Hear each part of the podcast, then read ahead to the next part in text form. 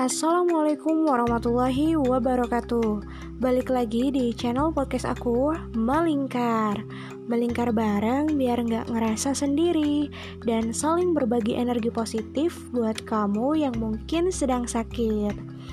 Oke teman-teman semuanya di channel podcast aku kali ini Aku bakalan nge-share hasil recording uh, Kompas Pinisi bersama dengan Ustadz Parwis Yang judulnya kamu yang kutunggu dengan tema petunjuk Rasulullah dalam menggapai jodoh. Oke teman-teman semuanya, buat yang penasaran kita langsung aja yuk dengerin kajiannya. Let's go.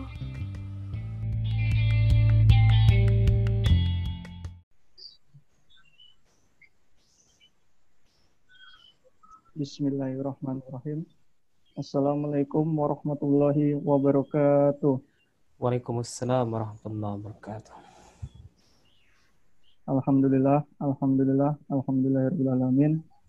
Suatu kenikmatan pada sore yang hari ini kita semua dapat berkumpul di salah satu kajian yang cukup menyenangkan. Nah, untuk tema kajian kita pada sore hari ini itu adalah salah satu topik yang akan kita angkat yaitu kamu yang kutunggu atau petunjuk Rasulullah dalam menggapai jodoh.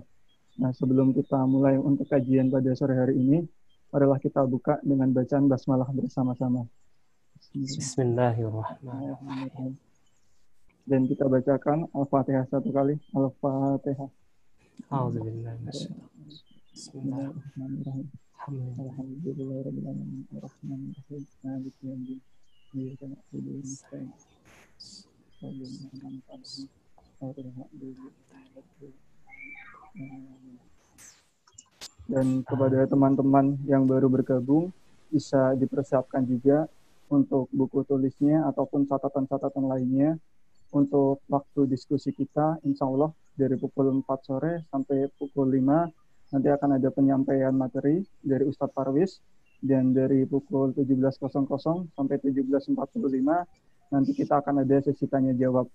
Untuk teman-teman semua yang akan bertanya, bisa menggunakan fitur chat, bisa menggunakan chat langsung everyone, atau bisa melalui saya. Dan juga apabila ingin berbicara langsung dengan ustadznya, bisa menggunakan fitur raise.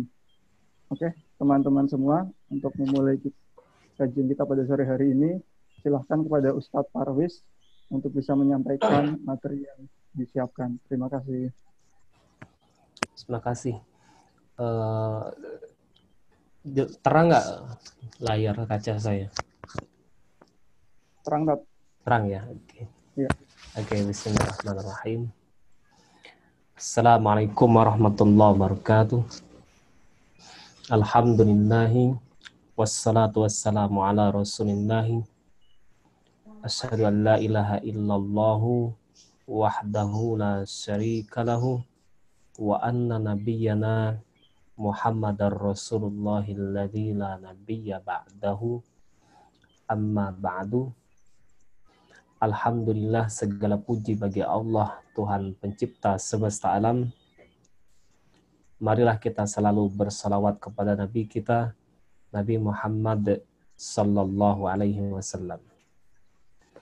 Tak pernah kita lupakan setiap kali kesempatan dengan pujian dan salawat tadi kecuali kita berharap berkahnya dari Allah Subhanahu wa taala di setiap pertemuan kita kapan pun dan di waktu di mana pun berada setiap pertemuan tidak boleh lepas dari kalimat pujian dan salawat kepada Nabi kita Nabi Muhammad Sallallahu Alaihi Wasallam. Tema kita sore hari ini membicarakan tentang jodoh. Tentunya membicarakan tentang jodoh hari ini kita tidak boleh melepaskannya bagian dari hal yang sangat mendasar dalam iman kita bahwasanya jodoh itu adalah bagian dari qada dan qadarnya Allah Subhanahu wa taala. Ketika manusia diciptakan oleh Allah Subhanahu wa taala di dalam rahim ibunya, pada saat kejadian yang sempurna itu, lalu kemudian Allah kirimlah malaikat untuk membawakan ruh baginya lalu sekalian dicatat bagi hamba tersebut sebelum dia dilahirkan, setelah nyawanya ditiupkan oleh Allah roh kepadanya, dicatatlah yang pertama rizkinya, yang kedua adalah ajalnya, yang ketiga amalnya, yang keempat sengsarakah ia atau justru bahagiakah ia. Adapun materi jodoh masuk bagian dari yang pertama tadi. Apa itu? Seputar tentang rizki. Karena jodoh adalah bagian dari rizki yang Allah catatkan bagi hambanya, maka kita setiap kali membicarakan jodoh tidak bisa dilepaskan dari qada dan qadarnya Allah Subhanahu wa taala.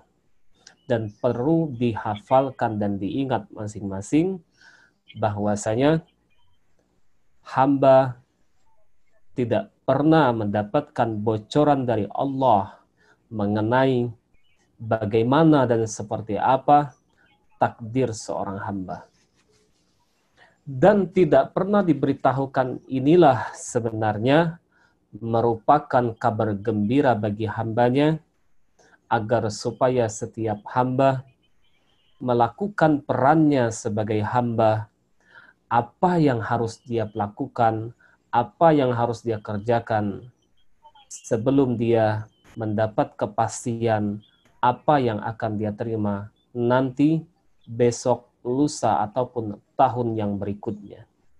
Maka itulah mengapa ah, menurut keyakinan ahlus sunnah wal jamaah takdir sudah ditentukan oleh Allah jauh sebelum semesta alam diciptakan. Akan tetapi seorang hamba diberikan ruang untuk melakukan ikhtiari selaku dia yang memiliki tubuh dari takdir tersebut, apa pun hasilnya, kita serahkan kepada Allah Subhanahu wa Ta'ala. Kemudian, yang berikutnya, norma yang patut kita mengerti lagi, setiap keputusan Allah pasti ada hikmahnya. Adapun hikmah tersebut terkadang hamba langsung mampu memahami apa maksud dari keputusan Allah tersebut atau justru ada kalanya hamba telat atau justru ada kalanya hamba sama sekali tidak mampu menyerap apa maksud dari hikmah yang ada dalam kehidupannya yang terkait dengan takdirnya yang sudah dia lewati kemarin. Yang ketiga, karena kita membicarakan jodoh, maka jangan pernah kita kaitkan pembicaraan seputar jodoh dengan suuzonnya kita kepada Allah Subhanahu wa taala. Itu yang pertama. Ya, yang ketiga, yang keempat membicarakan tentang jodoh sama seperti membicarakan rizki kita yang lain seperti mata pencarian kehidupan kita atau masalah keuangan kita dalam sehari-hari karena kedua-duanya masuk kategori jodoh. Dan perlu menjadi satu hal yang mendasar bahwasanya ketika seorang hamba pergi pagi pulang malam melakukan usahanya dalam mencari rezeki kehidupannya ketika ada orang berkata ya fulan kenapa kamu berangkat pagi pulang malam menggapai rezeki fulan Lalu ditanyakan kepada bukankah rezeki sudah ditakdirkan oleh Allah? Iya. Tapi semua kita mengatakan iya jawabannya. Akan tetapi kita pasti akan ada kalimat lanjutan. Iya, rezeki adalah dari bagian dari ketentuan dan ketetapan takdir Allah. Tapi aku selaku hamba harus melakukan ikhtiar bagaimana menggapar rezeki tersebut.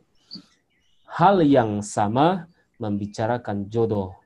Kita selaku hamba memang sudah Allah tetapkan semua.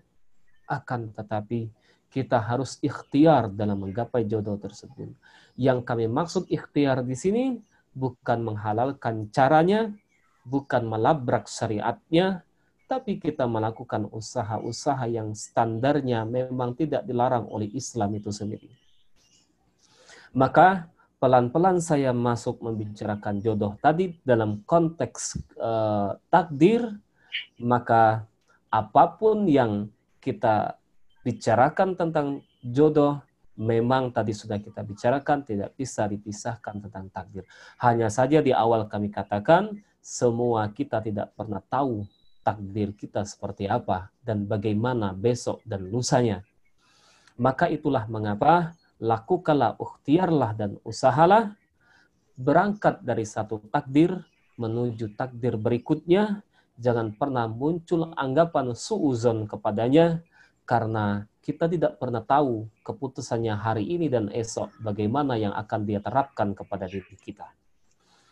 Oke, petunjuk Al-Quran membicarakan jodoh, secara umum dibicarakan pertama apa hakikat manusia itu sendiri.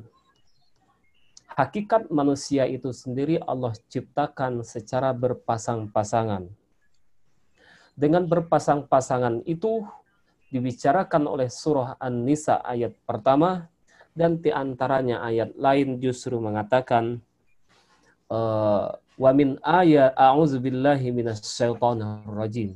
Wa min ayatihi an khalaqalakum min anfusikum azwaja litaskunu ilaiha wa ja'ala bainakum mawaddatan wa rahmah. Dengan adanya sunnatullah seorang hamba yang dia ciptakan untuk berpasang-pasangan agar supaya mereka dengan pasangannya bisa merasakan ketentraman dan kedamaian. Dengan kata lain, dengan berpasangan mereka, mereka akan mendapatkan ketentraman hidup dan kedamaian. Maka di sini perlu dicatat lagi bahwa misi dari adanya berumah tangga di antaranya adalah tercapainya kedamaian dan ketentraman. Damai dan tentram itu dalam konteks pernikahan setidaknya di antaranya adalah dia damai jiwanya, tentram jiwanya, tidak lagi akan digoda sebelah sana sini dengan hal-hal yang sifatnya haram karena dia telah memiliki sarana yang halal. Karena yang punya halal itulah mengapa dikatakan di antaranya oleh ayat tadi dia mampu mendapatkan ketentraman dan kedamaian. Kemudian sabda Rasulullah Sallallahu Alaihi Wasallam tentang pernikahan, Ya ma'syarus sabab, wahai para pemuda, manis tata'a minkumul ba'ah fal yatazawwaj. Siapa di antara kalian, wahai pemuda, kata Nabi, khususnya kaum laki-laki, yang memiliki bekal dan kesanggupan, fal yatazawwaj bersegeralah ia melakukan pernikahan. Mari kita bahas bersama apa yang dimaksud bekal di sini. Bekal di sini yang dimaksud adalah di antaranya bekal dalam artian bekal materi. Di samping juga itu, dia mampu memiliki bekal-bekal knowledge dalam rangka melaksanakan bahtera rumah tangga itu sendiri. Akan tetapi secara umum bekal di sini adalah kemampuan finansial, terlebih lagi kemampuan psikologi dan tubuhnya mendukung untuk melakukan pernikahan. Lalu dilanjutkan oleh hadis Nabi ini, "Faman lam yastati' akan tetapi siapa yang belum sanggup, belum mampu, fa'alaihi bisyam, maka dia disunnahkan oleh Nabi untuk menjalankan puasa. Mengapa? Karena dengan puasa dia mampu meredam syahwatnya dan dia mampu menangkal segala godaannya dan akan menenteramkan baginya dari gelora-gelora jiwa mudanya.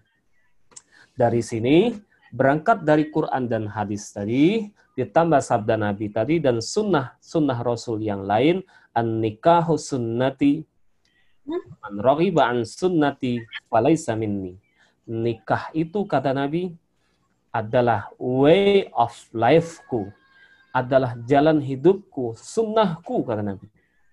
Barang siapa ogah menjalankan sunnahku ini dengan pengingkaran dan tidak mengakui sebagai suatu ibadah yang memang ditoleransi dalam Islam, maka karena Nabi orang tersebut bukanlah bagian dari umatku. Maka dari situ ulama Islam menyimpulkan apa hukumnya pernikahan. Hukumnya pernikahan adalah sunnah muakkadah secara umum. Akan tetapi boleh jadi dia justru berubah menjadi wajib ketika dia memiliki kemampuan dan bekal, bisa saja justru menjadi haram ketika dia memiliki suatu penyakit yang tidak mungkin dilakukan dengan pernikahan. Maka secara umum ulama Islam menyepakati nikah hukumnya sunnah dan sunnah ini bisa jadi wajib atau justru bisa menjadi haram terkait dengan konteks yang bersangkutan. Nah, bagaimana petunjuk Rasulullah dalam menggapai seorang pasangan Tentunya petunjuk Rasulullah di antaranya yang populer kita dengar, petunjuk beliau ini lebih mengarah kepada spesifikasi. Apa itu? Yang pertama, bagi seorang laki-laki mencari pasangan perempuannya, nasihat Nabi ini sering kita dengar. Yang pertama, lima liha. Karena hartanya. Wali hasabiha. Karena keturunannya. Wali wali jamaliha. Karena parasnya. Wali diniha. Karena faktor agamanya. Fazfar bidzatiddin taribat siadat. Akan tetapi kata Nabi dari tiga pilihan tadi karena hartanya karena faktor keturunannya dan faktor parasnya. Lalu kata Nabi ada satu faktor yang lebih menarik. Yang keempat, karena agamanya. Ketahuilah dalam sabda Nabi ini, beliau menegaskan dengan faktor agama itu, kata Nabi, justru menjadi membuat engkau maka pilihlah wanita yang karena agamanya agar engkau tidak menjadi hina. Artinya agar kita menjadi orang yang tidak menyesal di kemudian hari apabila dalam pemilihan itu dengan selektif lebih fokus kepada faktor agamanya. Oke, ini petunjuk Rasul bagi laki-laki untuk mencari istri seperti apa. Empat kriteria, hartanya, keturunannya, faktor farasnya, yang keempat faktor agamanya. Nah, faktor agama diletakkan oleh Nabi yang keempat sebagai syarat penentu. Apa itu yang dimaksud dengan syarat penentu? Apabila tiga yang pertama tadi tidak terpenuhi, akan tetapi faktor agamanya terpenuhi, maka yang tiga tadi dianggap seperti tidak ada dan dianggap itu ada karena agamanya bagus. Sebaliknya, walaupun tiga tadi terpenuhi, faktor agamanya ternyata tidak, maka tiga tadi dianggap seperti tidak ada karena agamanya minus. Maka sabda Nabi ini adalah merupakan bocoran bagi setiap perempuan agar supaya dia jauh-jauh hari memantaskan diri setidaknya jika perempuan itu merasa hartanya kurang, keturunan biasa-biasa saja, cantiknya pun biasa saja, maka bocoran dari Nabi ini dia pantaskan dirinya dengan faktor agamanya. Pun Rasul menegankan, menekaskan bahwa bagi laki sebenarnya agama itu jauh lebih menenteramkan jika dia fokus ke faktor agamanya. Yang kedua petunjuk Nabi terkaitlah perempuan bagaimana dia mencari pasangan laki-lakinya. Apa kata Nabi? Apabila datang kepada kamu untuk melamar. Oke. Perhatikan teman-teman jamaah di rumah di sini. Hadis Nabi ini apa tadi? Hadis Nabi tadi punya arti begini. Saya terjemahkan secara apa namanya letter luck. Idza khataba ilaikum man tardawnahu dinahu wa khuluquhu fazawwijuhu illa taf'aluhu takun fitnatun fil ardi wa fasadun Al-Fajr ayat arim. 27 sampai 30. Wahai jiwa yang tenang, kembalilah kepada Rabbmu dengan hati yang puas lagi diridhoinya. Oke. Oke, makasih. Apa bunyi hadis ini? Bunyi hadis Nabi ini adalah apabila telah datang kepada kamu laki-laki ataupun utusan untuk melamar perempuan kalian yang mana laki-laki tersebut sebenarnya agamanya memuaskan, akhlaknya juga memuaskan. Jadi ada dua kriteria dari Nabi. Laki-laki itu agamanya memuaskan dan akhlaknya membuat orang terkagum. Ini dua tadi. Faktor apa tadi? Faktor agamanya dan akhlaknya. Maka kata Nabi, segeralah nikahkan mereka dengan perempuan kalian. Menarik hadis ini, Rasulullah bukan bicara kepada perempuan, tapi Rasul bicara kepada para wali. Coba kita baca lagi hadisnya. Apabila datang kepada kalian orang atau utusan yang mana laki-laki tersebut yang katanya mau melamar anak perempuan itu agamanya memuaskan, akhlaknya membuat orang terkagum.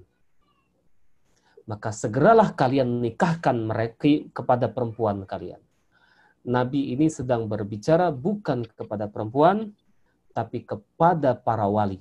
Dari sini kita dapat satu kesimpulan lagi, ternyata perempuan tidak bisa menikah tanpa adanya wali. Dan menariknya lagi, menariknya lagi, sabda Nabi tadi, kenapa tidak diarahkan kepada perempuan? Karena memang perempuan tidak bisa menerima lamaran, tidak bisa menerima ataupun menikahkan dirinya sendiri. Maka Rasulullah bicara kepada wali.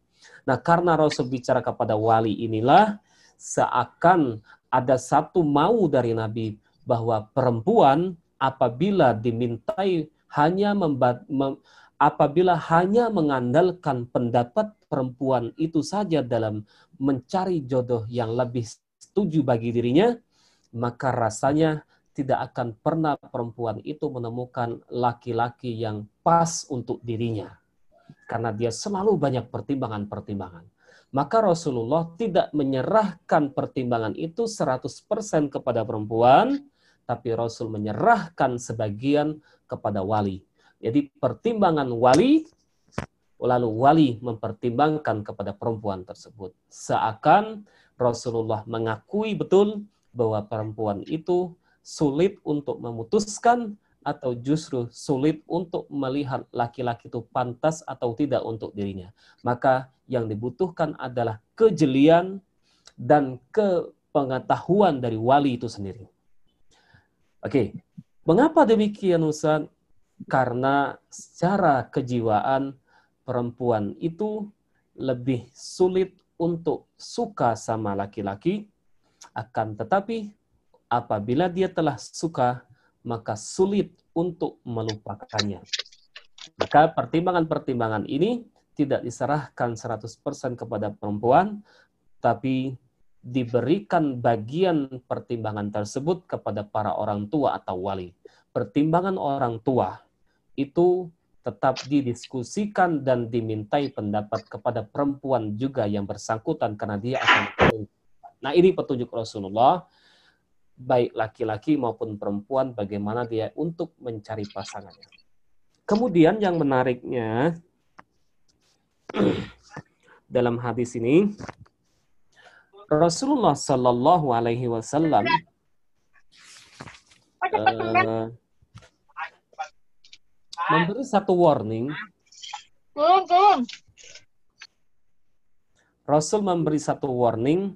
Apa warning beliau? Uh, illa taf'alu apabila tidak segera laki-laki tadi dinikahkan kepada perempuan tersebut padahal laki itu agamanya bagus lalu akhlaknya lumayan, kalau nggak segera dilakukan pernikahan, diterima lamarannya, takun fitnatun fil ardi akan dikhawatirkan nanti akan ada fitnah-fitnah yang menyebar wa fasadun aridun dan akan datang juga penyebaran kerusakan-kerusakan. Artinya ada semacam warning dari Nabi jika laki itu tidak segera dinikahkan kepada perempuan tersebut pada agamanya laki itu bagus dan akhlaknya lumayan, yang dikhawatirkan nanti akan muncul muncul kerusakan kerusakan kerusakan.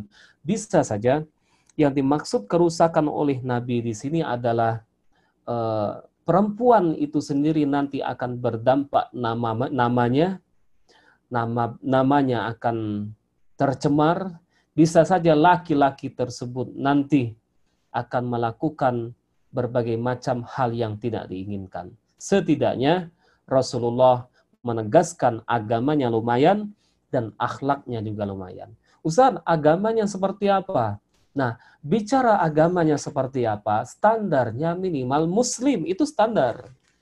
Tidak bisa ditawar-tawar. Carilah pasangan suami, calon suami yang muslim, laki-laki yang beragama Islam seganteng apa pun laki-laki tersebut, sekaya apa pun laki-laki tersebut, apabila dia non-muslim, maka jika dia menikah dengan perempuan laki-laki tersebut, maka pertimbangan itu pernikahan tersebut tidak diridhoi oleh Islam, juga tidak dianggap sebagai pernikahan yang sah dan hubungan mereka dianggap suatu perzinahan. Jika laki-lakinya itu ternyata non-muslim. Jadi ciri pertama laki-laki tersebut adalah muslim. Yang kedua, standar agama kesalehan kita tidak punya standarnya. Tidak ada sertifikat orang soleh. Akan tetapi, seminim-minimnya kemarin sudah kita bicarakan, seminim-minimnya laki-laki itu dianggap saleh jika dia muslim, yang kedua, yang sifatnya wajib dalam Islam ini dia laksanakan. Bisa dengan salat lima waktunya, puasa Ramadannya, menutup auratnya. Jika laki tersebut yang wajib dia lakukan, lalu yang kedua dia meninggalkan yang haram-haram. Yang haram tersebut tidak dia lakukan secara terang-terangan saya ulang, yang wajib terlaksana, walaupun mungkin yang sunnah dia ketinggalan, tak sesoleh laki-laki yang di sana, tapi yang wajib dia terlaksana. Yang kedua, yang haram-haram dia tinggalkan, dan yang haram tidak dia lakukan secara terang-terangan, walaupun mungkin dia tidak serajin ibadah laki-laki yang kita kenal di sana, setidaknya dia sudah melakukan yang wajib. Dia meninggalkan yang haram dan tidak melakukannya secara terang-terangan, maka setidaknya udah patut laki tersebut dianggap sebagai laki-laki yang layak untuk dijadikan imam dalam kehidupannya. Syukur-syukur jika dia rajin melakukan yang sunnah-sunnahnya, syukur-syukur dia memiliki pendidikan riwayat keagam, syukur alhamdulillah. Setidaknya walaupun tidak demikian, dia yang wajib terlaksana, yang haram dia tinggalkan, yang haram tidak dia lakukan secara terang-terangan. Itu sudah masuk kategori pantas untuk menjadikan imam laki-laki tersebut. Dan perlu diingat dan ini nasihat saya buat semuanya baik laki maupun perempuan terkhusus buat laki-laki apabila antum sudah mulai serius kepada seorang yang untuk dijadikan bagimu sebagai pasangan hidupmu maka fokuslah kamu dalam kepadanya jangan pernah kamu punya alternatif perempuan ini perempuan itu bahkan atom pasang daftar sampai 5 10 orang atau beri alternatif. Yang satu nggak bisa, yang satu ini tidak bisa. Kalau antum wahai laki-laki punya alternatif seperti ini, antum tidak akan fokus, kamu tidak akan segera menemukan pasangan sejatimu. Jadi, jangan punya yang namanya alternatif, tapi fokuslah kepada satu saja. Itu yang pertama nasihat sebagai laki-laki. Yang kedua nasihat saya buat perempuan, pernikahan itu adalah ibadah layaknya sebagaimana ibadah yang lainnya, ibadah semuanya memiliki rintangan dan godaan. Rintangan dan godaan ibadah itu kadang beragam-ragam godaannya. Ketika antum mengeluarkan dana untuk bayar dana umroh dengan uang sekian puluh juta, 25 juta rupiah, ketika antum mengeluarkan uang untuk umroh sebesar 25 juta, maka godaannya pasti dalam benak kita akan terfikir, oh 25 juta bisa dapat HP tipe baru dapat sekian. Tapi beda lagi godaan kita ketika ingin sholat malam. Tidak sama juga godaan kita ketika ingin baca Quran. Semua ibadah itu memiliki godaannya.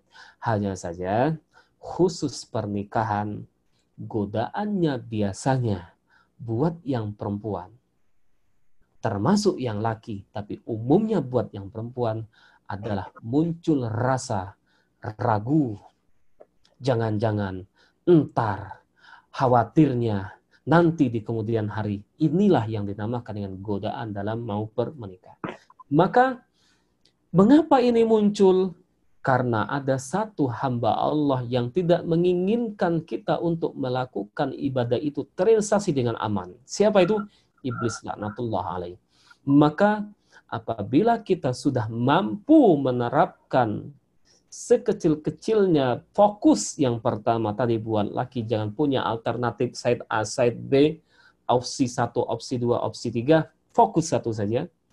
Yang perempuannya juga dia tidak ada rasa was-was, dia tahu laki ini agamanya, walaupun tidak sesoleh dalam standar uh, yang menurut ekspektasinya, setidaknya tadi sudah kita bicarakan, yang wajib dia lakukan, yang haram dia tinggalkan, tidak dia lakukan secara terang-terangan, ini laki-laki tersebut harus dia yakinkan dalam dirinya. Fokuslah, jangan ada muncul keraguan. Keraguan itu adalah bagian dari was-wasnya setan agar supaya ibadah kita tidak berjalan dengan sebagaimana mestinya. Jadi, nasihat saya buat yang laki, jangan punya opsi A, opsi B. Jangan punya alternatif 1, 2, 3. Fokus satu saja.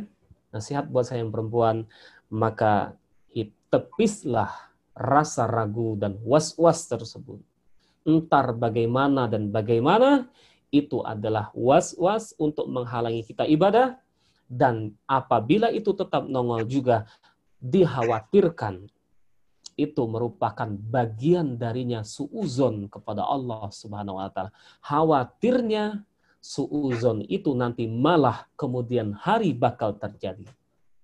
Maka lebih baik pasanglah husnuzon di awal daripada memasang suuzon di awal. Kemudian nasihat kami berikutnya,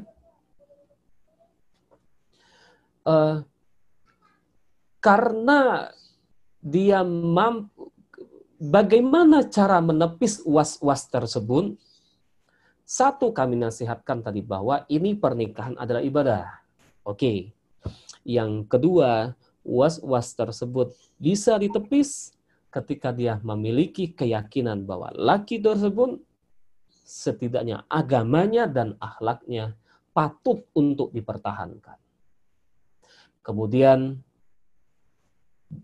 catat baik-baik, tidak ada orang sebaik apa pun agama dan akhlaknya, nanti pasca pernikahan tidak akan menghat, tidak ada ceritanya orang setelah pernikahan sebulan dua bulan, setahun dua tahun, tidak ada ceritanya orang yang tidak lepas dari gelombang bahtera rumah tangga, perselisihan, percekcokan, tidak sependapat, itu semua orang pasti akan mengalaminya. Sejauh dan seperti apa pun standar agamanya. Artinya yang ditakutkan, yang ditakutkan itu adalah semua orang pasti akan mengalaminya. Maka ketakutan itu adalah was-was. Jangan digubris bagian dari usaha iblis untuk menghalangi kita untuk melakukan ibadah. Yang berikutnya, agar supaya kita segera termotivasi. Bukankah ketika seseorang melakukan sunnah ini, dia telah menyempurnakan sebagian dari agamanya. Dan dia telah menyelamatkan juga sebagian dari agamanya. Dengan motif seperti ini, harapannya kita segera-segera mungkin melaksanakan sunnah ini. Kemudian, setelah nasihat tadi buat laki-laki jangan ada opsi-opsi-opsi, buat perempuan hilangkan was-was tersebut. Lalu nasihat saya yang ketiga, pasanglah target saya tidak boleh berlarut minimal sebelum Idul Adha. Minimal sebelum Idul Fitri. Syukur-syukur semoga Allah berikan kemudahan sebelum Ramadan tiba. Harus pasang target. Setelah memasang target, lalu kemudian laki tadi memasang dirinya tidak punya opsi tapi fokus kepada yang satu, lalu perempuan tersebut menepis keraguannya, yang keempat sengaja saya letakkan keempat, padahal seharusnya nomor satu. Apa itu? Niatkanlah, niatkanlah, niatkanlah ini semata ibadah lillahi ta'ala. Saya ulang. Niatkanlah semua itu semata ibadah untuk lillahi ta'ala. Apabila antum mampu menanamkan dalam diri dengan tiga tips tadi, lalu satu niatnya lillahi ta'ala, apabila antum sudah mampu pada tahap lillahi ta'ala ibadahku ini, maka saya yakin antum akan tidak akan melihat siapa pun dia, bagaimanapun dia, yang penting aku mau ibadah, masalah parasnya nanti, masalah hartanya nggak usah digubris, masalah keturunan nggak usah dipikirkan, yang penting agamanya benar. Insya Allah jika niatnya ikhlas lillahi ta'ala, jangankan nunggu sebulan, minggu depan atau besok pun akan segera mereka, khususnya buat laki-laki. Sebaliknya buat yang perempuan, apabila lillahi ta'ala, fokus dia dengan lillahi ta'ala. Siapa pun yang datang melamar pada keluarga bapaknya, dengan syarat agamanya lumayan, akhlaknya lumayan, kurang ganteng, nggak usah dipikir. Hartanya nanti bisa dicari. Keluarganya biasa saja, memang begitu kok nggak bisa di Maka apabila lillahi ta'ala kita bisa menghilangkan standar-standar yang menjadi penghalang kita selama ini. Karena apa? Saya sering menasehati buat laki pasangannya cirinya empat, tapi Rasul hanya memokuskan satu. Buat perempuan mencari laki-laki, Rasul memberi ciri dua saja. Jangan pernah antum tambahi ciri-ciri di antara sebab sulitnya segera bertemu dengan pasangannya, kita dibuat repot oleh standar kita sendiri. Rasul hanya mensyaratkan hartanya, keturunannya, parasnya, tapi ternyata dari tiga ini, kata Nabi, fokuslah ke agamanya. Rasul hanya menekankan satu saja. Kenapa kita jadi repot? Kita tambah jadi lima sama-sama sukunya dari sono. Kita tambah jadi enam. Minimal usianya sekian, maksimal nggak boleh lebih dari sekian. Kita tambah jadi tujuh. pendidik pendidikannya harus tamatan sekian. Kita tambah jadi delapan. Tinggi badannya harus sekian. Kita tambah jadi sembilan. Warna kulitnya harus begini. Kita tambah jadi sepuluh. Kita tambah jadi sebelas. Itulah yang menyebabkan kita tertunda. Karena ulah kita sendiri. Walaupun kami tidak katakan itu bid'ah, setidaknya dia merepotkan dirinya sendiri. Rasul hanya memberikan tiga, empat, perempuan cuma dua. Jangan pernah menambahi standar-standar tersebut. Kemudian yang berikutnya, nasihat kami terkait ini adalah tentunya jangan lupa karena membicarakan ini bicara lillahi ta'ala. Ikhlas dalam rangka ibadah. Ibadah apa itu Ustaz? Ibadah menyelamatkan diriku. Jangan sampai terjebak pada hal-hal yang dilarang oleh agama dan menceburkan diriku ke dalam dunia yang penuh kekelaman dan dosa. Apabila seseorang mampu memanage niat, apa tujuannya? Maka saya yakin pernikahan tersebut akan segera dan tentunya jangan lupa tadi saya bilang jangan pernah bikin standar yang berlebihan. Apabila sudah itu, maka tolong nasihat kami, turunkan standar. Damailah dengan dirimu dengan menurunkan standar. Maka pun akan semakin banyak peluang yang bisa masuk mendaftar. Yang berikutnya, karena pernikahan itu adalah ibadah dan ibadah itu merupakan bagian dari hal yang menentukan dalam kehidupan kita karena dia dengannya menyelamatkan separuh agama seseorang maka berarti ibadah ini menuntut segera bukan entar atau nanti maka tepat Rasul bilang tadi wahai para pemuda siapa yang memiliki kemampuan bekal maka bersegeralah untuk menikah.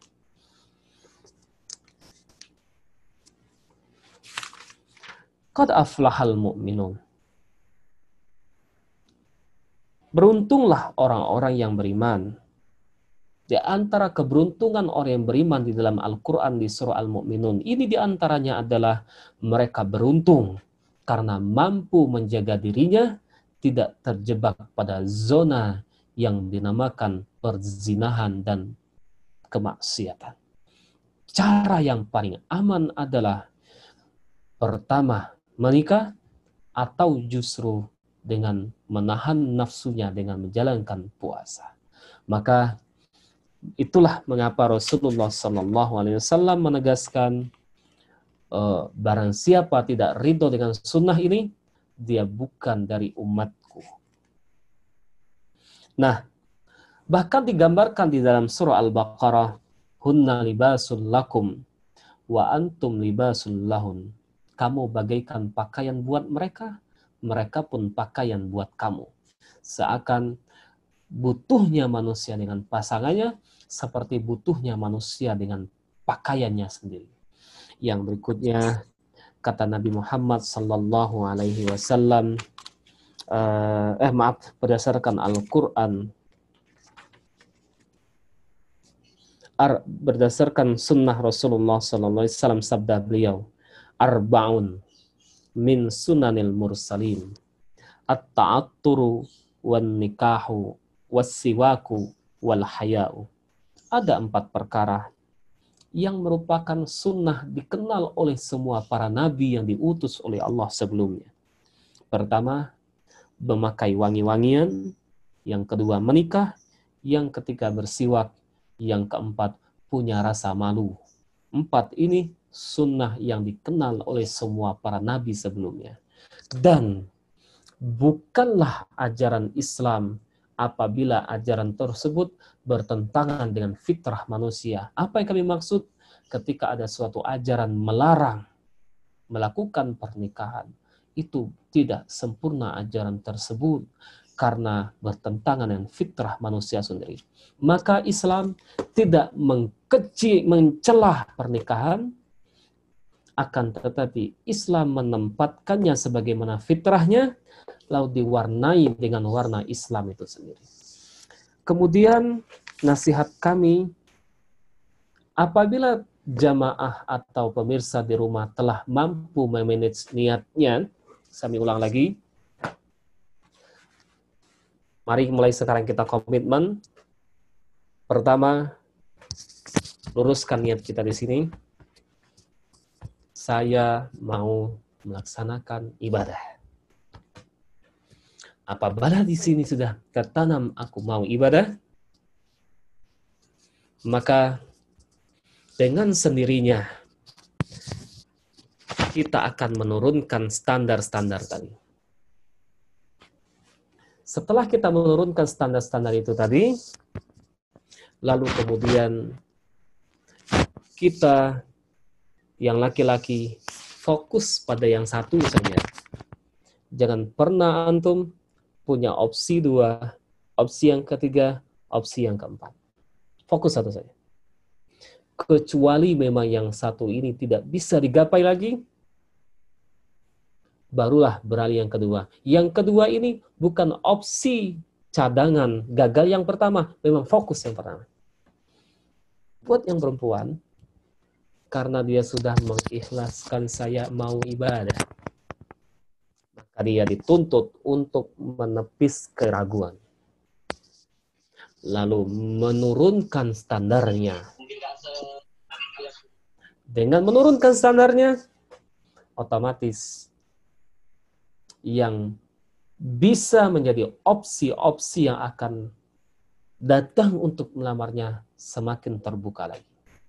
Jangan kecilkan ruang jodoh antum dengan standar yang tinggi, dengan spekulasi-spekulasi yang kita dambakan sebelumnya. Lalu, lalu Apabila ini sudah ketemu lillahi ta'ala lillahi ta'ala, maka kalau sederhananya bisa kami bilang, dia tidak butuh sebulan dua bulan. Dua minggu, tiga minggu pun, bahkan besok atau sekarang pun bisa. Apabila niatnya lillahi ta'ala, dalam rangka menjaga dirinya jangan sampai terjebak pada larangan, menjaga kesucian dirinya sesuai fitrah yang Allah kehendaki dari makhluk yang diciptakan yang bernamanya manusia yang akan dia ciptakan berpasang-pasangan. Kemudian yang berikutnya setelah kita mampu memanage tersebut jangan lupa juga nanti tidak kami bahas bawahi tadi apa pun sejauh mana pun agama dan akhlak kita sejauh mana apa pun mampu kita memanage diri dan keluarga kita nanti kelak siapa pun dia nanti pasca berumah tangga pasti akan berhadapan yang namanya perselisihan, godaan dan ujian. Kenapa? Namanya lagi ibadah. Bukan hanya digoda dari awal, tapi berikutnya selama perjalanan sampai kelak nanti masing-masing menghadap Allah SWT tidak akan pernah kosong dari yang namanya ujian, gejolak, dan rintangan namanya lagi bahtera rumah tangga. Bismillahirrahmanirrahim. Setelah kita membicarakan apa namanya hal demikian, lalu kemudian mau ngapain berumah tangga? Teladan dalam Quran setidaknya ada pasangan yang Allah ciptakan yang baik mendapatkan yang baik, yang buruk mendapatkan buruk. Ustaz, bagaimana jika sebaliknya? Iya, Allah tidak hanya menceritakan dalam Quran yang baik mendapatkan baik, yang buruk mendapatkan buruk tapi Allah juga menceritakan dalam Quran kisah Nabi Nuh dan istrinya. Tapi juga Allah mengisahkan kisah Nabi, kisah Siti Asia bersama dengan pasangannya Firaun. Artinya itu tadi kami katakan kehidupan kita terlebih sudah berumah tangga tidak akan lepas dari yang namanya ujian dan godaan. Nah, visi misi kita dalam menjalankan ini semua nanti kelak komitmen bersama sama-sama menggapai yang namanya ridho Allah Subhanahu wa taala dengan bahtera yang dinamakan dengan rumah tangga. Alangkah indahnya ibadah ini yang diapresiasi oleh Rasulullah, yang dijadikan sebagai way of life, lalu kemudian sesuai dengan fitrah manusia, menyatukan hati yang berserakan, lalu disatukan dalam bahtera atau bingkai rumah tangga. Dengan demikian, maka akan tercapai yang namanya menyempurnakan separuh agama. Teman-teman atau pemirsa yang ada di rumah, yang berikutnya lagi,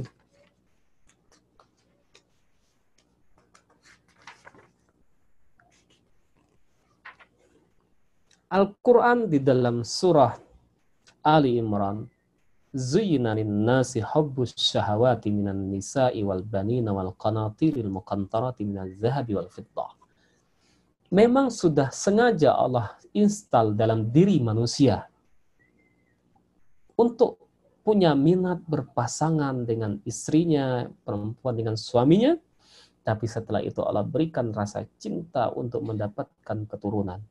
Maka visi di antara bagian rumah tangga adalah untuk mendapatkan keturunan, membina rumah tangga anak yang soleh dan soleha. Maka alangkah indahnya ibadah ini segera direalisasikan, lalu tips kami tadi segera diikuti, dan semoga dengan tips tersebut mampu memberikan kita solusi jalan keluar agar segera mewujudkan ibadah separuh agama ini. Maka hemat kami adalah jangan tunggu waktu lama, jangan sibuk dengan rasa was-wasnya, jangan digubris rasa tidak percaya dirinya.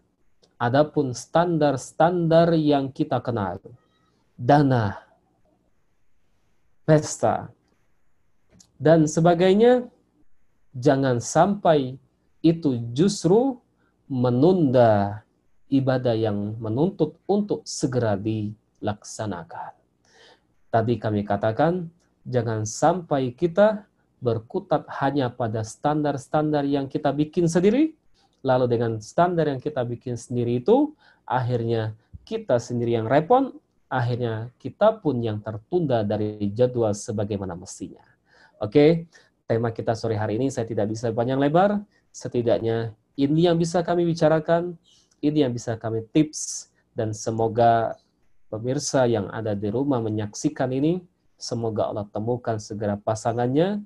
Walaupun belum ada yang melamarnya, semoga segera Allah lamar, lamar dirinya. Dan jangan lupa tadi saya bilang, fokus kepada niat, turunkan standar. Setelah fokus kepada niat dan turun standar, jangan lupa apa pun was-was yang kita pikirkan hari ini, daripada berpikir buruk, berpikirlah yang baik kemudian hari. Maka Allah akan selaras dengan dugaan hambanya. Jika sebelum menikah dia bersuuzon, maka khawatirnya itulah yang akan terjadi pasca dia menikah. Apabila sebelum dia menikah dia berhusnuzon, semoga husnuzon itulah yang Allah wujudkan nanti baginya setelah dia melaksanakan pernikahan itu sendiri. Semoga uh, inspirasi kami sore hari ini memberikan tambahan wawasan dan memberikan semangat untuk segera mewujudkan ibadah sunnah ini. Saya tidak bisa banyak lebar, soleh dipersilahkan untuk diskusi atau bertanya. Wallahu a'lam.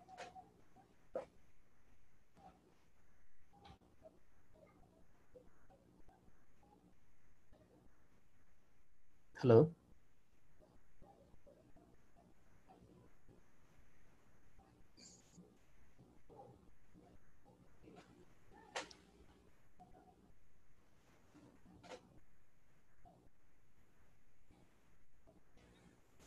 Halo, Assalamualaikum.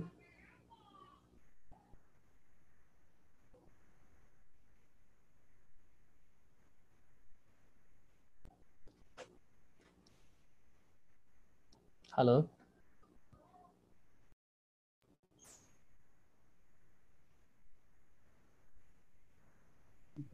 mana sih? Halo. Halo, Tat. Oh iya. Ya. Alhamdulillah, jasa khair, Tat.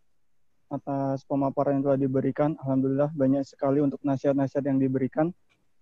Teruntuk teman-teman yang baru bergabung dan teman-teman yang ingin bertanya, silahkan untuk teman-teman yang ingin bertanya, bisa menggunakan fitur chat, bisa di chat personal ke saya ataupun ke everyone, ataupun bisa menggunakan fitur raise hand untuk berbicara berbicara langsung dengan ustadznya.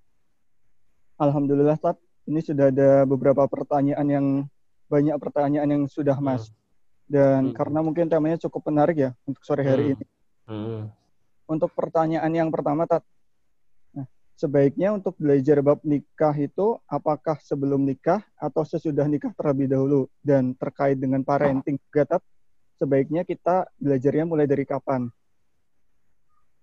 Oke, terima kasih. Uh, begini ya, kalau oke okay lah kita pakai model uh, bodoh-bodohan aja deh. Coba kita lihat kakek nenek kita dulu. Apakah mereka pernah mengenal yang namanya ta'arufan?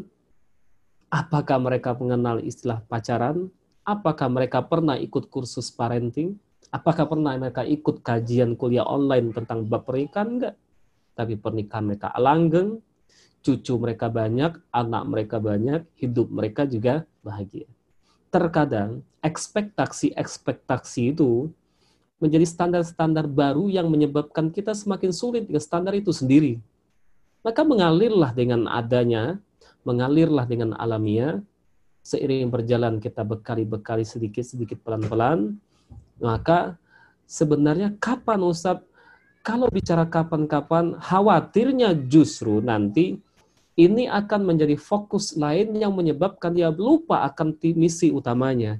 Maka saran saya adalah uh, untuk pertama ini, khususnya yang memang sudah jadwalnya untuk menikah, maka sering saya ingatkan, saya ajarin doa yang mungkin bagi teman-teman ini terkesan bercanda. Tapi ini saya serius terutama yang usianya yang memang sudah saatnya nikah. Bagi perempuan yang sudah lewat dari usia 25 tahun, saya sering sarankan, apa sudah 40 tahun belum nikah, doanya Bismillah, Allahumma paksakan. Allahumma paksakan. Sing pering, sing penting, laki-laki tersebut agamanya lumayan, yang haram-haram tidak dia lakukan secara terang-terangan. Itu udah cukup kok, ya. Maka Allah memaksakan. Nanti bagaimana pengetahuan knowledge-knowledge terkait, maka itu lakukanlah seiring berjalan dengan sendirinya ketika membina rumah tangga. Tapi apabila yang memang masih usia uh, di masih belasan atau masih di sebelum umur 24 25, oke, okay, lebih baik sesegera mungkin dia mendalami bagaimana pertanyaan tentang ilmu-ilmu yang ingin dia kuasai tadi. Jadi sesegera mungkin sebelum tiba saatnya. Kan tetapi apabila dia usianya memang sudah matang, sudah saatnya melakukan pernikahan, lupakan itu dulu. Pokoknya sekarang naik dulu bahtera, nanti tinggal baca aja petanya di dalam kapal nanti bagaimana bekal-bekal dalam menjalani bahtera rumah tangga itu sendiri. Wallahu a'lam. Oke, okay, jazakallahu khairan untuk penjelasannya. Ya. Jadi Allah, mepak, jadi Allah memaksakan doanya. Iya, jadi ya. perlu kita catat ya teman-teman. Allah memaksakan. mm -hmm, ya, terutama yang usianya sudah sudah mendesak. Hmm. Kalau usia-usia normal itu berapa ya, Tat? Kira-kira, Tat? 20 atau 25? Untuk atau perempuan 40? sebelum 25 udah segera nikah. Hmm. Sebelum 25 udah nikah perempuan. Kalau untuk laki-laki, Tat? Laki-laki. Nah ini nih, laki-laki nih umurnya walaupun 50-an ingin cari ABG.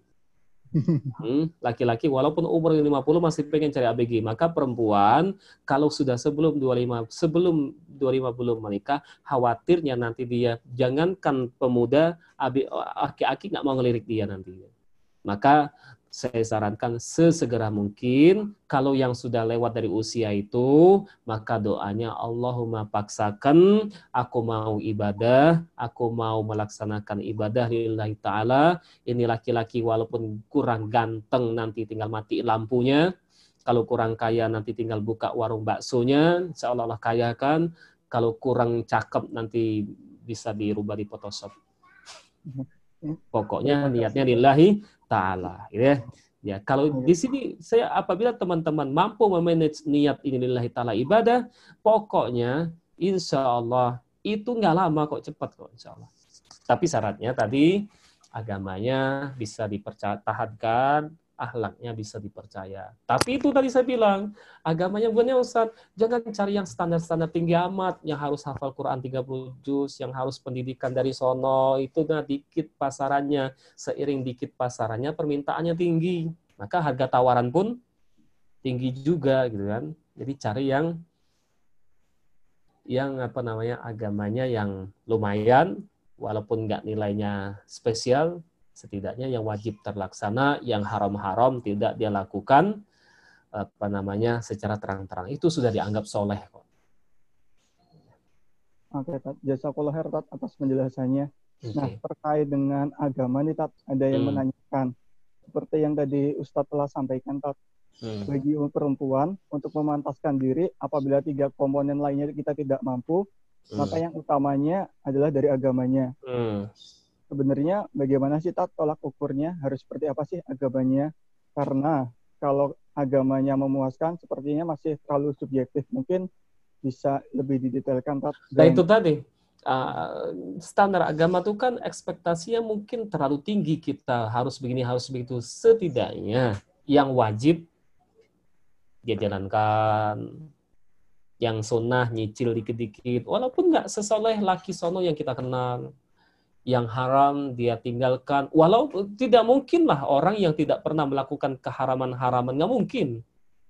Anda yang di rumah termasuk yang duduk di sini pasti setiap hari kita akan melakukan yang haram-haram. Setidaknya tidak dilakukan secara terang-terangan.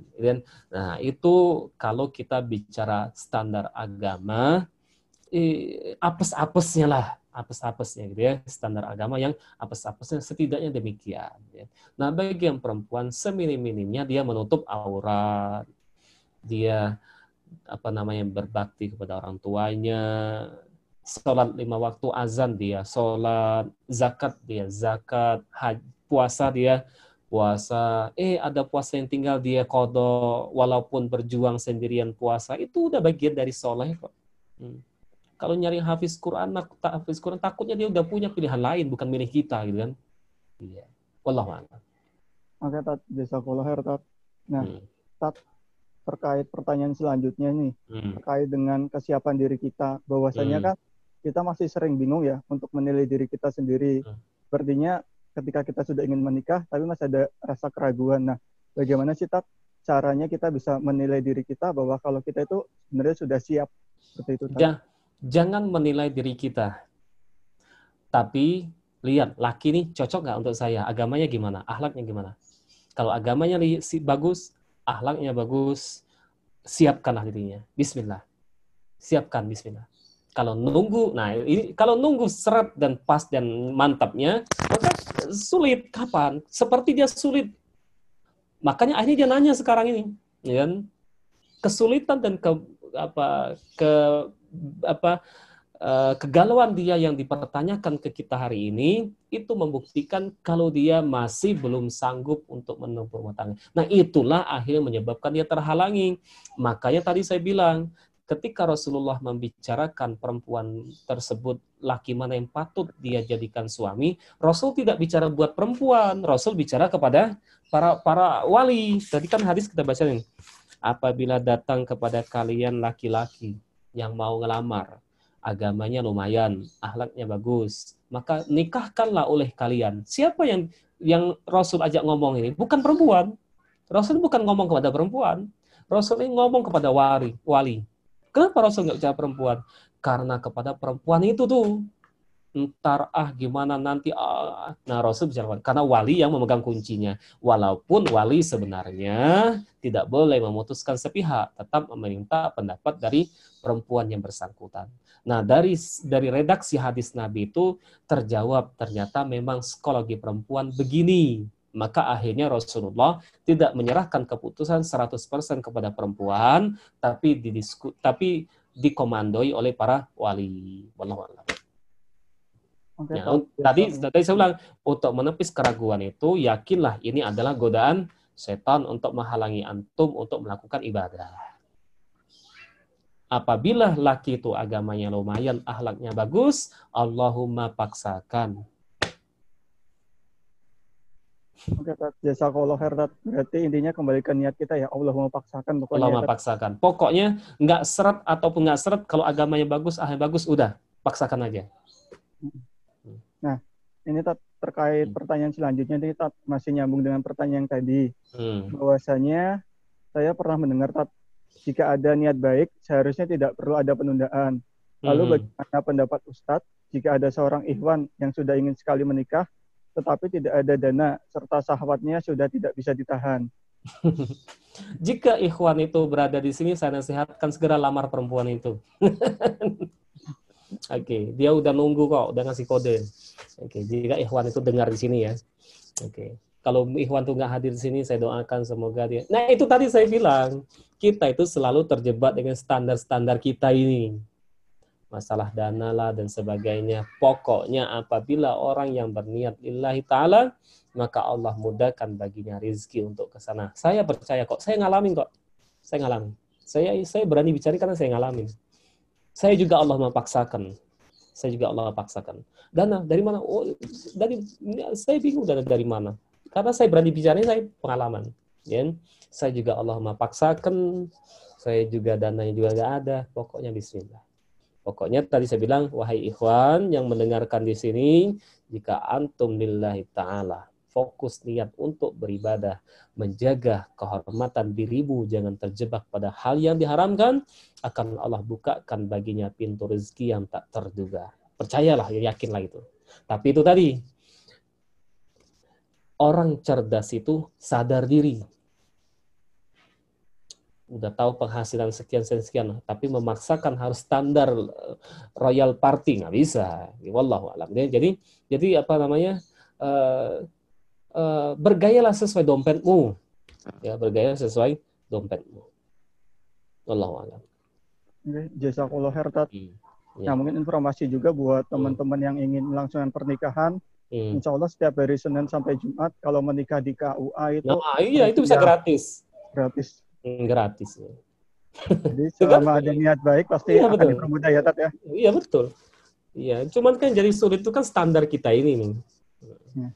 Ya. Oke, Tat. Nah, terkait dengan standar nih, Tat. Hmm. Ini ada yang bertanya bahwasanya tadi kan untuk standarnya kalau laki-laki empat, untuk perempuan ada dua ya, Tat ya. Hmm. Nah, menurut Ustadz nih, Tat, bagaimana tentang ahwat yang memiliki banyak tuntutan saat ingin menikah dengan seorang ikhwan? Baiknya ditinggalkan atau diperjuangkan? Tinggalkanlah. Masih banyak calon lain. Eh? Apabila laki tersebut memang fokus mau nikah, menjaga diri dan keluarga, saya contohkan begini, kalau antum mau pengen cepat nyampe ke kampung, nggak harus bis itu kok banyak habis lain. Sing penting nyampe kan? Iya. Sing penting nyampe. Iya. Oke, Ustaz, tapi kan cinta harus diperjuangkan. Itu mah udah itu kisah kisah cinta di waktu SMA itu. Ya. Pokoknya adalah apa namanya saya selalu kalau bicara ini saya selalu seakan-akan maksa segera. Iya, karena memang ini adalah menuntut untuk disegerakan. Tapi kan Ustaz ini kan pernikah, pernikahan sekali seumur hidup butuh pertimbangan. Iya, sampai kapan antum mau nimbang? Ya, iya. Jangan sampai nanti orang udah bosan kita baru mulai. ya, oke. Jadi, jadi apa nasihat saya adalah apa namanya Eh, kesimpulannya tadi satu itu yang lakinya jangan punya opsi A, opsi B. Ya, laki kan gitu kan, kebanyakan telat laki itu karena dia punya opsi A, opsi B. Oh, kalau gagal ini ya ini ada kok. punya cadangan ini kok. Ya itu akhirnya dia telat juga. Hmm. Ya, jadi dia harus fokus kepada yang satu saja. Allah a'lam. Okay, uh, adapun laki-laki tadi yang berhadapan dengan akhwat yang uh, minta ini minta itu pada belum nikah. Ya tadi saya ilustrasikan kalau antum mau nyempat cepat nyampe ke kampung, bukan harus bis itu kok masih ada bis lain. Pokoknya sampai ke kampung. Apabila ingin mau nyampe peribadahan kepada Allah SWT dengan ibadah nikahnya, nggak harus perempuan, banyak perempuan lain yang bisa menjadi sarana kita untuk untuk ibadah. Tapi kan Ustaz nikah harus diperjuangkan. Iya nikah diperjuangkan, akan tetapi khawatirnya adalah kita memperjuangkan sesuatu yang tidak layak untuk diperjuangkan. Allah malam. Silakan yang berikutnya. Kata Jazakallah atas penjelasannya. Hmm. Nah, ada yang ingin bertanya tat terkait dengan suatu keriduan suami ya tat ya. Nah, hmm. tat mau meminta saran bisa dijelaskan secara logika hmm. mengapa setelah menikah surga seorang wanita ada di ridho suaminya. Terima kasih Ustaz. Iya. Kenapa setelah menikah seorang perempuan harus selalu menggapai ridho suaminya? Halo, perempuan lambang kelembutan laki itu adalah lambang dari egoisme dan keakuan. Dengan kata kasarnya adalah yang ini lembut, yang ini kasar. Kasar dihadapi dengan kasar yang terjadi adalah pertikaian. Maka untuk menghadapi yang kasar adalah dengan kelembutan. Maka kenapa perempuan disuruh mengalah dan harus tunduk kepada suaminya? Karena di antaranya bagian dari cara Allah untuk melunakkan yang kasar ini dengan kelembutan perempuan tersebut. Kemudian, mau pilih mana? Mau pilih mana? Dan kedua-duanya nggak pas untuk dipilih. Apa itu? Kena talak, kena tonjok. mau yang mana? Kena talak atau kena kena tonjok? Mau yang mana? Nggak ada kan? Nggak ada yang pas kan? Kecuali pilihan yang ketiga adalah mengalah, maka baginya surga. Yang baginya surga. Maka itulah mengapa Rasulullah selalu menyuruh perempuan itu tunduk patuh sama suami selagi pada hal-hal yang ma'ruf, bukan hal-hal yang munkar. Jadi mengapa perempuan seperti ini? Karena Allah menggunakan senjata kelembutan perempuan untuk menembukkan laki-laki tersebut. Di antaranya adalah dengan mengalah dan Allah siapkan baginya surga yang dari pintu dari mana yang dia inginkan jika perempuan tersebut sudah sholat lima waktu. Kemudian puasa Ramadan.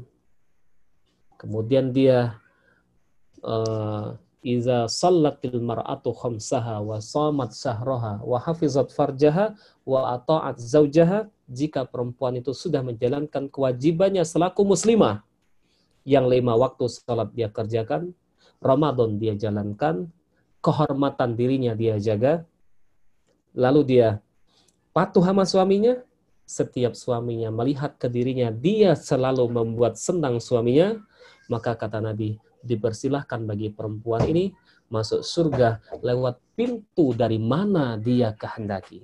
Tapi menariknya ternyata antara laki dan perempuan yang paling gampang masuk surga adalah perempuan. Tapi menariknya mereka lah yang paling banyak masuk ke neraka. Maksudnya apa? Seakan-akan yang gampang ini justru ngegampangin. Ingatlah kisah pertandingan lari antara kura-kura dengan kancil. Ternyata di luar dugaan yang menang adalah kura-kura. Kenapa kok kancil yang seharusnya menang malah jadi kalah karena dia menganggap remeh dan sepele. Perempuan tuh paling gampang masuk surga, tapi karena gampang akhirnya pelein. Maka kata Nabi, cukup sholat lima waktu, puasa Ramadan, dia jaga kehormatan dirinya, dia patuh sama suaminya, lalu kemudian dia pandai membuat senang setiap suaminya melihat, maka kata Nabi dipersilahkan baginya untuk masuk surga dari pintu yang dia suka. Itulah alasan logikanya karena Allah menggunakan senjata perempuan untuk menundukkan laki-laki tersebut. Wallahu a'lam. Oke, terima kasih banyak Pak untuk penjelasannya. Berarti mungkin ketika seorang suami sudah menjabat tangan dari ayahnya atau walinya, hmm. surga, surga sudah dipindahkan ya Tat ya. Iya. Ini pertanyaan selanjutnya sih Tat, cukup menarik juga Tat terkait dengan Allah memaksakan juga nih Tat. Hmm. Nah, mau minta pendapatnya Tat. Ketika kita sudah siap menikah, orang tua kita juga sudah ingin menikahkan anaknya, namun jodoh belum juga datang, gimana Tat kira-kira Tat? Belum datang apa belum diterima? Namun jodoh belum juga datang Tat. Gitu Tat. Oke. Kalau belum juga datang, apa namanya? Eh, saya tidak bisa bicara banyak karena ada kalanya saya yakin perempuan mana pun sudah banyak yang siap untuk menjadi suaminya atau untuk melamarnya, cuman perempuan ini justru banyak pertimbangan dan ekspektasinya.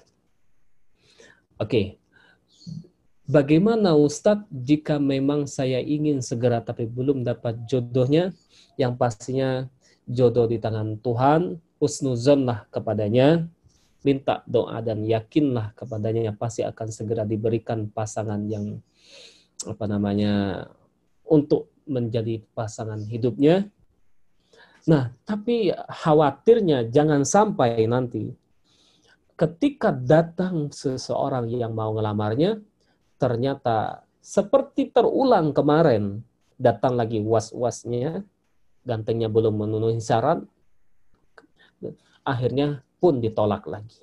Artinya saya selalu menasehatkan marilah khususnya buat kita semua yang memang pada usia untuk segera menikah. Tadi itu saya bilang, turunkan standarnya, fokuslah pada niat ibadahnya. Apabila yang datang itu ternyata wajahnya tidak memenuhi standar, akan tetapi harta pun jauh dari harapan, akan tetapi dia muslim, akhlaknya lumayan, agamanya yang wajib terjaga, yang haram tidak dilakukan larangan, bismillah, lillahi ta'ala. Saya mau ibadah, singkirkan masalah kegantengannya, masalah hartanya, singkirkan. Bismillah ta'ala, lillahi ta'ala, ibadah dan ibadah. Nasihat saya seperti itu, lalu husnuzullah minta kepada Allah segera dipertemukan pasangannya, Lalu nanti Ustadz bagaimana sholat tahajud, sholat hajat nanti dengan sholat hajat nanti ada pertimbangan-pertimbangan lagi. Nanti nanya bagaimana Ustadz sholat hajat? Doanya memang memang terkabulkan ini pasangan saya. Ah tambah ribet lagi. Pokoknya hemat saya orang seperti ini. Potong kompas Allah memaksakan agamanya lumayan akhlaknya lumayan walaupun mungkin kita memicingkan mata melihatnya. Yang penting saya mau ibadah. Kata orang tempat karena orang orang Jawa orang Jawa bilang apa itu waiting trisno? Jalaran soko kulino. Ah iya. Insya Allah seperti itu. Hmm. makanya antum perhatikan banyak kasus perempuan punya suami jelek minta ampun bahkan preman tapi dia masih bertahan untuk menjadi istrinya kenapa karena udah terlanjur cinta Tat. Jasa kalau Hertat untuk penjelasannya. Nah, kalau tadi kan terkait dengan dirinya sudah siap ya, Tat ya. Hmm. Orang juga sudah siap. Hmm. Nah, ini mau minta pendapatnya, Tat. Kalau diri kita sudah siap, hmm. bagaimana sih Tat, cara kita meyakinkan ke orang tua kita agar diizinkan untuk menuju ke jenjang pernikahan? Ini laki apa perempuan? Ini laki-laki, Tat. Ah, iya. Betul. Saya yakin pasti laki-laki. Laki, setiap anak di mata orang tuanya tetaplah anak yang lahir waktu itu dengan nangisan oe-oe-nya. Walaupun umurnya sudah 20, 30, 40 tahun, anak tetap anak bagi orang tuanya. Saya yakin laki-laki seperti ini belum mampu meyakinkan orang tuanya, belum bisa dilihat oleh orang tuanya kalau dia orang mandiri. Jadi tugas laki ini adalah dia harus mampu menunjukkan di depan mata orang tuanya kalau dia sudah punya keputusan sendiri, dia sudah bisa mandiri lagi, dia tidak perlu lagi butuh kepada naungan orang tuanya. Akan tetapi dengan cara yang etis. Maka jangan sampai jadi laki mau beli bakso aja masih konsultasi sama orang tuanya. Jangan sampai jadi laki mau baju warna apa masih nganya sama ibunya. Nah ini masih membuat ibunya menganggap dirinya masih anak kemarin sore. Ini tugas laki itu adalah bagaimana dia menunjukkan dirinya depan orang tuanya, dia sudah punya pilihan tersendiri, salah sendiri, dia bisa hidup mandiri. Kalau dia hanya pilih bakso mau yang mana masih nanya ibunya, mau wajah warna apa masih nanya ibunya, berarti dia masih menganggap dirinya akan dia masih membuat orang tuanya memandang dirinya seperti anak-anak saja. Jadi dia belum mampu menunjukkan di depan orang tuanya kalau dia orang yang sudah dewasa. Itu saya yakin laki-laki seperti ini kayak gitu. Maka orang tuanya akhirnya melihat dirinya seperti anak-anak saja. Allah a'lam. Oke, Tat. Terima kasih, Tat. Ini masih terkait sama orang tua juga, Tat. Hmm. Tapi ini ada pertanyaan dari luar. Kebetulan dia sedang ada usur, jadi tidak bisa bergabung, Tat. Menitipkan hmm. temannya. Tat hmm. izin bertanya, jika orang tua atau calon mertua masih kental dengan syarat-syarat suku, karena orang tua takut kehilangan atau meleburnya garis keturunan di sukunya, hingga Ikhwan tersebut merasa terhalangi untuk melamar wanita yang akan dilamarnya.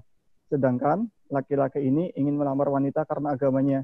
Lalu, bagaimana laki-laki tersebut bisa meyakinkan orang tua untuk menikah menikah dengan pilihannya tersebut karena karena agamanya bukan karena sukunya.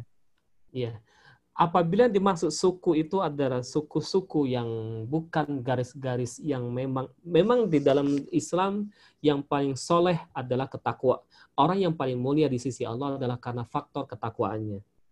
Karena faktor ketakwaannya, faktor agamanya dan hatinya yang Allah lihat, bukan postur dan garis keturunannya. Walaupun demikian, ulama Islam eh, menilai garis keturunan Quraisy itu punya nilai tersendiri karena Rasul dari suku Quraisy. Maka nanti jangan heran nanti banyak uh, anak-anak perempuan dari kalangan habaib, anak perempuan mereka tidak boleh dinikahi oleh laki-laki yang bukan keturunan habaib atau syarifah ya. Oke, okay. apa tujuannya untuk menjaga kemuliaan nasab Quraisy itu sendiri? Wallahu alam. Akan tetapi banyak juga dari mereka yang tidak seperti itu. Arti ini ada aturan yang tidak memaksa, aturan yang tidak menyebabkan orang terjebak pada dosa, tapi hanya sekedar untuk menjaga uh, turunan silsilah saya. Tapi apabila berhadapan dengan orang tua seperti ini, ya sudah kita diskusikan baik-baik. Kalau memang nggak sampai, ya udah tadi saya bilang jadilah laki-laki yang Arjuna yang ke mana dia memanah panahnya, dia bisa menemukan pasangannya. Jangan menjadi orang yang kecil di dalam lingkaran daun kelor saja. Gitu ya, Allah Oke, Tat. Jazakallah khair, Tat.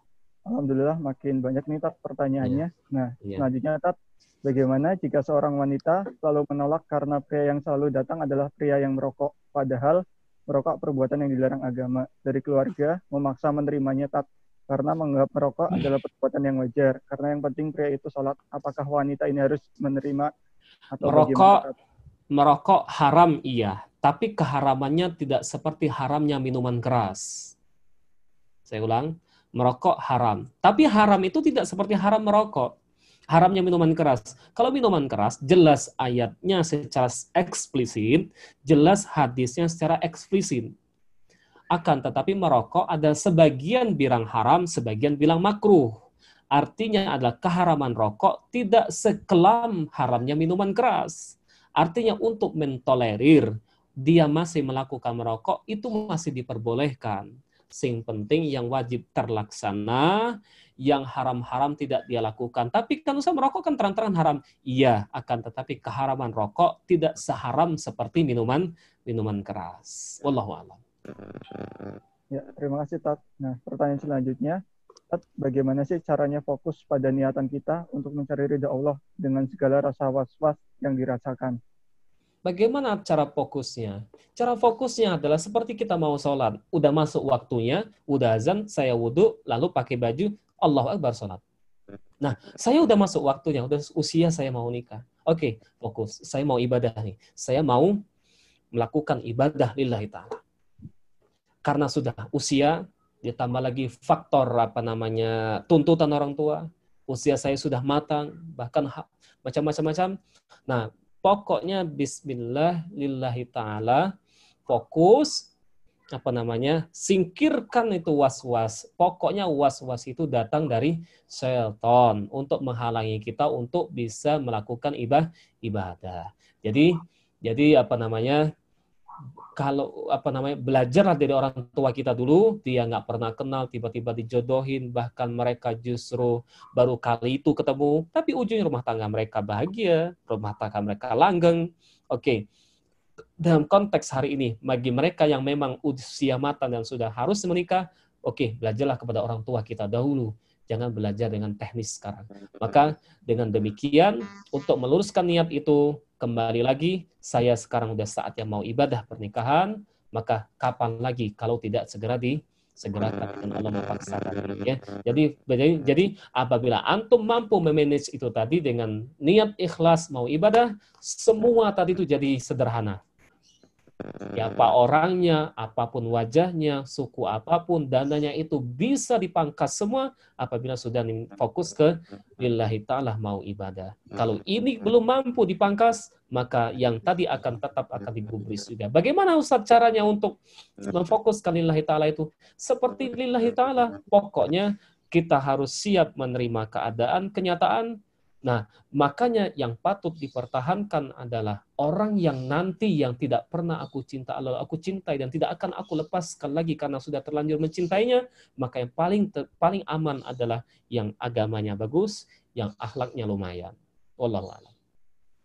Oke, Tat. Biasa kalau her, Tat. Nah, terkait dengan pemaparan Ustaz tadi, Tat, ini terkait dengan standar ya, Tat, ya.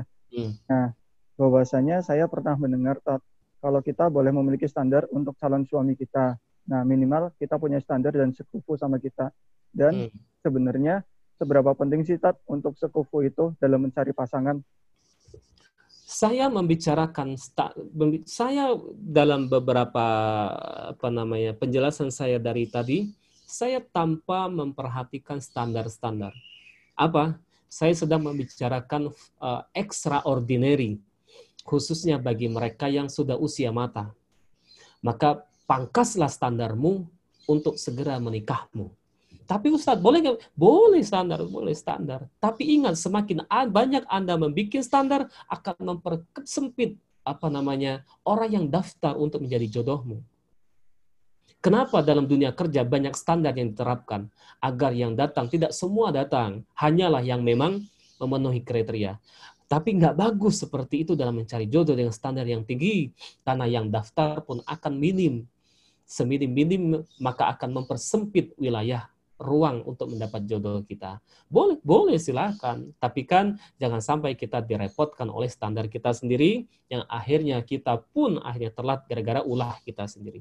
Saya banyak menjumpai kasus mereka yang telat menikah, akhirnya dia dengan legowo menurun standarnya, dia nggak lama segera menikah karena standarnya dia dia turunkan. Boleh nggak standar? Silahkan, tapi jangan sampai nanti kita menyesal kemudian hari gara-gara standar kita. Wal, tapi jika terpenuhi, alhamdulillah. Akan tetapi jika tidak, khawatirnya kita akan menyesal kemudian hari. Pokoknya jangan lupa ini ibadah menuntut segera, tidak seperti ibadah lain pokoknya dia urgent dan ordinary karena dia akan menyempurnakan separuh agama kita. Karena separuh agama itulah maka dia lebih mendesak untuk segera dilaksanakan. Wallahu a'lam. Terima kasih Tat, jazakallahu khair penjelasannya. Nah, terkait pertanyaan selanjutnya nih Tat. Tat, apakah menjadi suatu aib jika seorang ahwat meminta dicarikan calon kepada kedua orang tuanya karena terkadang pilihan orang tua adalah pilihan yang terbaik. Tidak aib, malah kewajiban orang tua. Tidak aib, kewajiban orang tua. Maka ada beberapa teman saya, aku nggak mau jadi jodoh, bapak ayah saya. Ah, bapak harus mencarikan jodoh saya. Kenapa saya harus cari? Memang kewajiban orang tua. Ya. Jadi apa namanya orang tua mencarikan jodohnya dan itu teknis paling aman karena pilihan orang tua biasanya lebih lebih apa namanya uh, selektif lagi. Tapi kan tetap nanti kita penilaian akhirnya bagaimana agamanya, bagaimana akhlaknya. Nah ini perempuan yang terima beres. Pokoknya Pak, saya tahun depan mau nikah cariin. Nah, itu lebih bagus. Ya, ya, tapi tetap kasih. nanti dipertimbangkan agamanya dan akhlaknya. Oke. Berarti sering-sering kita sering-sering sharing juga ya Tat ya terkait iya, masalah pernikahan juga ke orang tua ya Tat ya. ya suku-suku salahkan ke ayah, ayah kok saya belum. Iya, mana bertanggung jawab ayah Gak gitu juga maksud saya ya. Iya, biar apa namanya orang tuanya juga cepat nyari ya. Ya, Tat. Pertanyaan selanjutnya nih, Tat. Nah, ada beberapa ungkapan yang menyatakan lebih baik mempersiapkan kematian daripada urusan perjodohan. Nah, Iya. benarkah, Tat, apabila manusia meninggal dalam keadaan belum menikah, tidak lebih baik daripada yang sudah menikah? Enggak juga. Karena Rasul jelas mengatakan an nikahu sunnati. Nikah itu adalah uh, way of lifeku, sunnahku. Oke, nikah ini uh, hadis ini terlalu pendek. Hadis ini terlalu terpotong saya baca. Hadis ini lengkapnya begini. Bunda Siti Aisyah itu pernah kedatangan tiga orang yang kepo ingin menanyakan bagaimana kesalehan Nabi dalam kehidupan sehari-hari. Lalu tiga orang ini dapat jawaban begitu salehnya Nabi siang dan malam apa yang beliau lakukan baik di rumah maupun di luar. Karena melihat kesalehan Nabi begitu tingginya, tiga orang ini akhirnya punya azam. Kayaknya kita nih sulit untuk membalap kesalehan Nabi. Ini bahasa saya nih, singkatnya begitu. Akhirnya yang satu ngomong, ya udah deh, saya mau sholat malam terus, nggak mau istirahat tidur. Yang satu bilang, aku mau puasa terus, nggak akan buka. Yang satu bilang, aku mau bujang terus, nggak mau nikah. Lalu kedengaran Nabi orang ini, lalu kata Nabi apa? Aku Nabi, saya puasa, tapi tetap juga berbuka. Saya sholat malam, tapi tetap juga tidur istirahat. Bahkan aku pun menikah, kata Nabi. Kalau boleh saya tambahin, bahkan istri Nabi pun istrinya sembilan. Nah, apakah Nabi Muhammad itu adalah orang yang tercela karena tidak menyiapkan kematiannya? Enggak, Nabi Muhammad orang paling duluan menyiapkan kematian. Tapi beliau menikah sampai istrinya pun sembilan. Jadi kalimat-kalimat itu tadi itu lebih cenderung kepada lebih mengecam apa lebih menganggap remeh hal-hal yang seperti ini padahal Islam itu seimbang baik akhiratnya maupun dunianya. Jadi jadi justru justru bagaimana kematian seseorang akan mulus nantinya apabila dia pesakitan, nggak punya anak, nggak punya istri. Gitu kan? Justru bagaimana kehidupannya akan bahagia kalau nggak punya anak yang soleh, karena nggak menikah, nggak punya anak. Siapa yang mendoakannya nanti? Jadi menikah itu adalah bagian dari persiapan untuk kematian juga. Wallahu a'lam. Ya, terima kasih Tat Dia jawabannya. nggak, dia tidak akan dirawat oleh istrinya, dia akan tidak akan mendapatkan doa dari anak salehnya. A'lam. Ya, Tat. Ini terkait dengan istihara, Tat. Ada Hmm. dua pertanyaan terkait nih, Tat. Hmm. Ya kan? Bagaimana sih, Tat, membedakan ragu karena godaan iblis atau ternyata itu adalah jawaban dari hasil istihara untuk kepentingan proses kita? Dan Oke. misalnya, Tat, kita sudah istihara berkali-kali, tetapi masih belum jawab, dapat jawaban dari Allah, lalu kita harus bagaimana ya, Tat? Ini hal yang sulit untuk saya jawab. Karena hanya bicara hati seseorang dirinya dengan Allah. Karena tidak sulit karena sulit untuk dijawab bagaimana untuk membedakan ini jawaban Allah atau tidak. Ini sifatnya rahasia.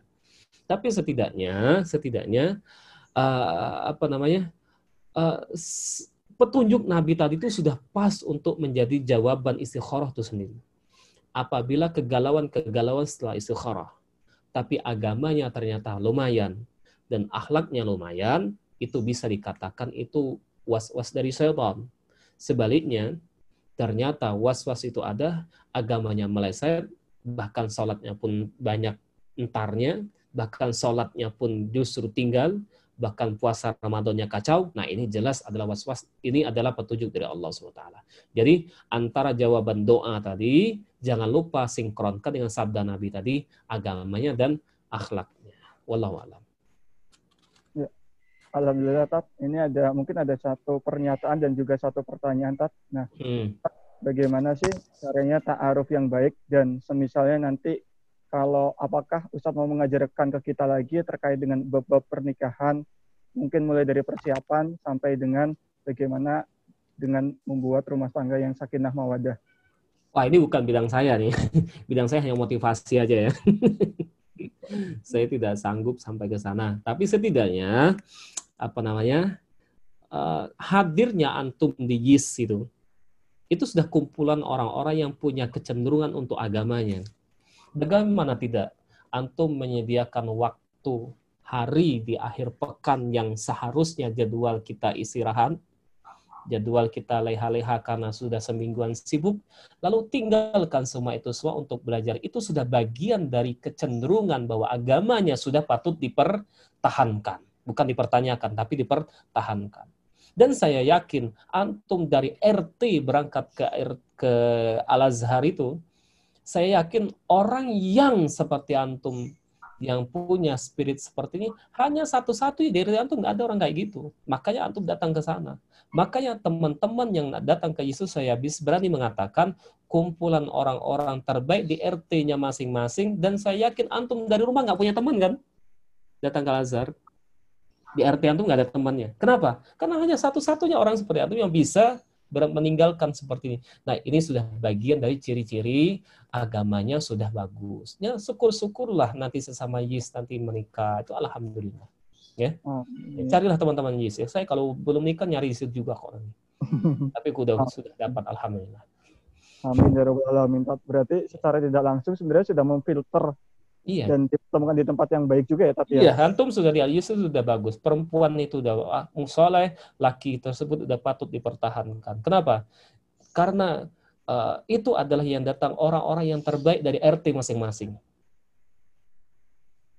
Oke, Tat. Antum siapa nih? Antum siapa? Apa Tat? Saya Nama antum? Siapa? Fahrul, Tat. Saya, Tat. Nah, Fahrul. Antum dari rumah ke Yes sendirian apa ada teman dari RT? Sendirian, Tat. Nah, itu kan iya. Kenapa sendirian gak ada temannya? Iya, tapi benar tat. Iya, karena nggak ada orang sepi seperti antum di situ. Betul, Semua anak Yus begitu kan? Iya, rata-rata seperti itu, Tat. Iya.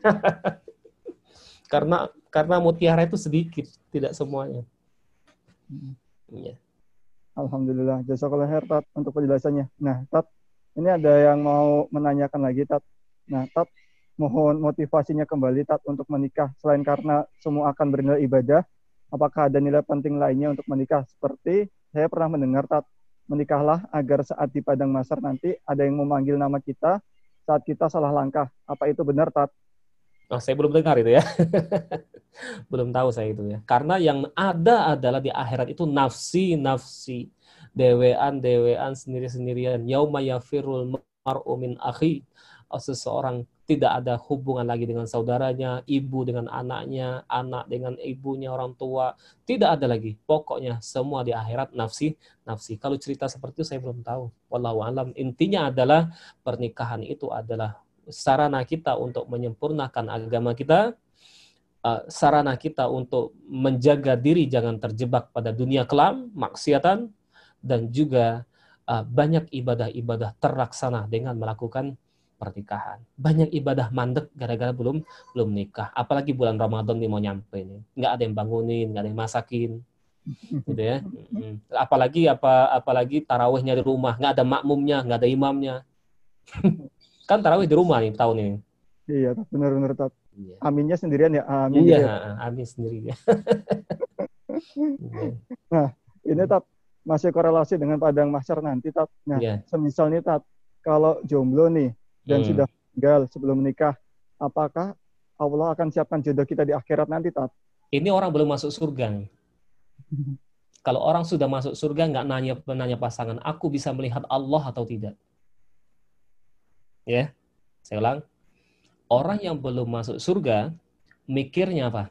Aku dapat suami siapa, dapat istri siapa, nanti aku belum menikah, dapat kok jomblo nanti pasangan siapa. Ini orang belum masuk surga orang sudah masuk surga nggak nanya siapa pasanganku di surga. Aku bisa jumpa dengan Allah atau tidak. Jadi kenikmatan yang dicari oleh orang penghuni surga bukan itu semua. Apa yang dicari? Aku bisa bersua dengan Allah atau tidak. Jadi jangan dipikirkan itu udah masuk surga, udah dapat tiket aman. Pokoknya nanti ada bintang kecil. Pokoknya kamu minta apa akan dikasih. Ya.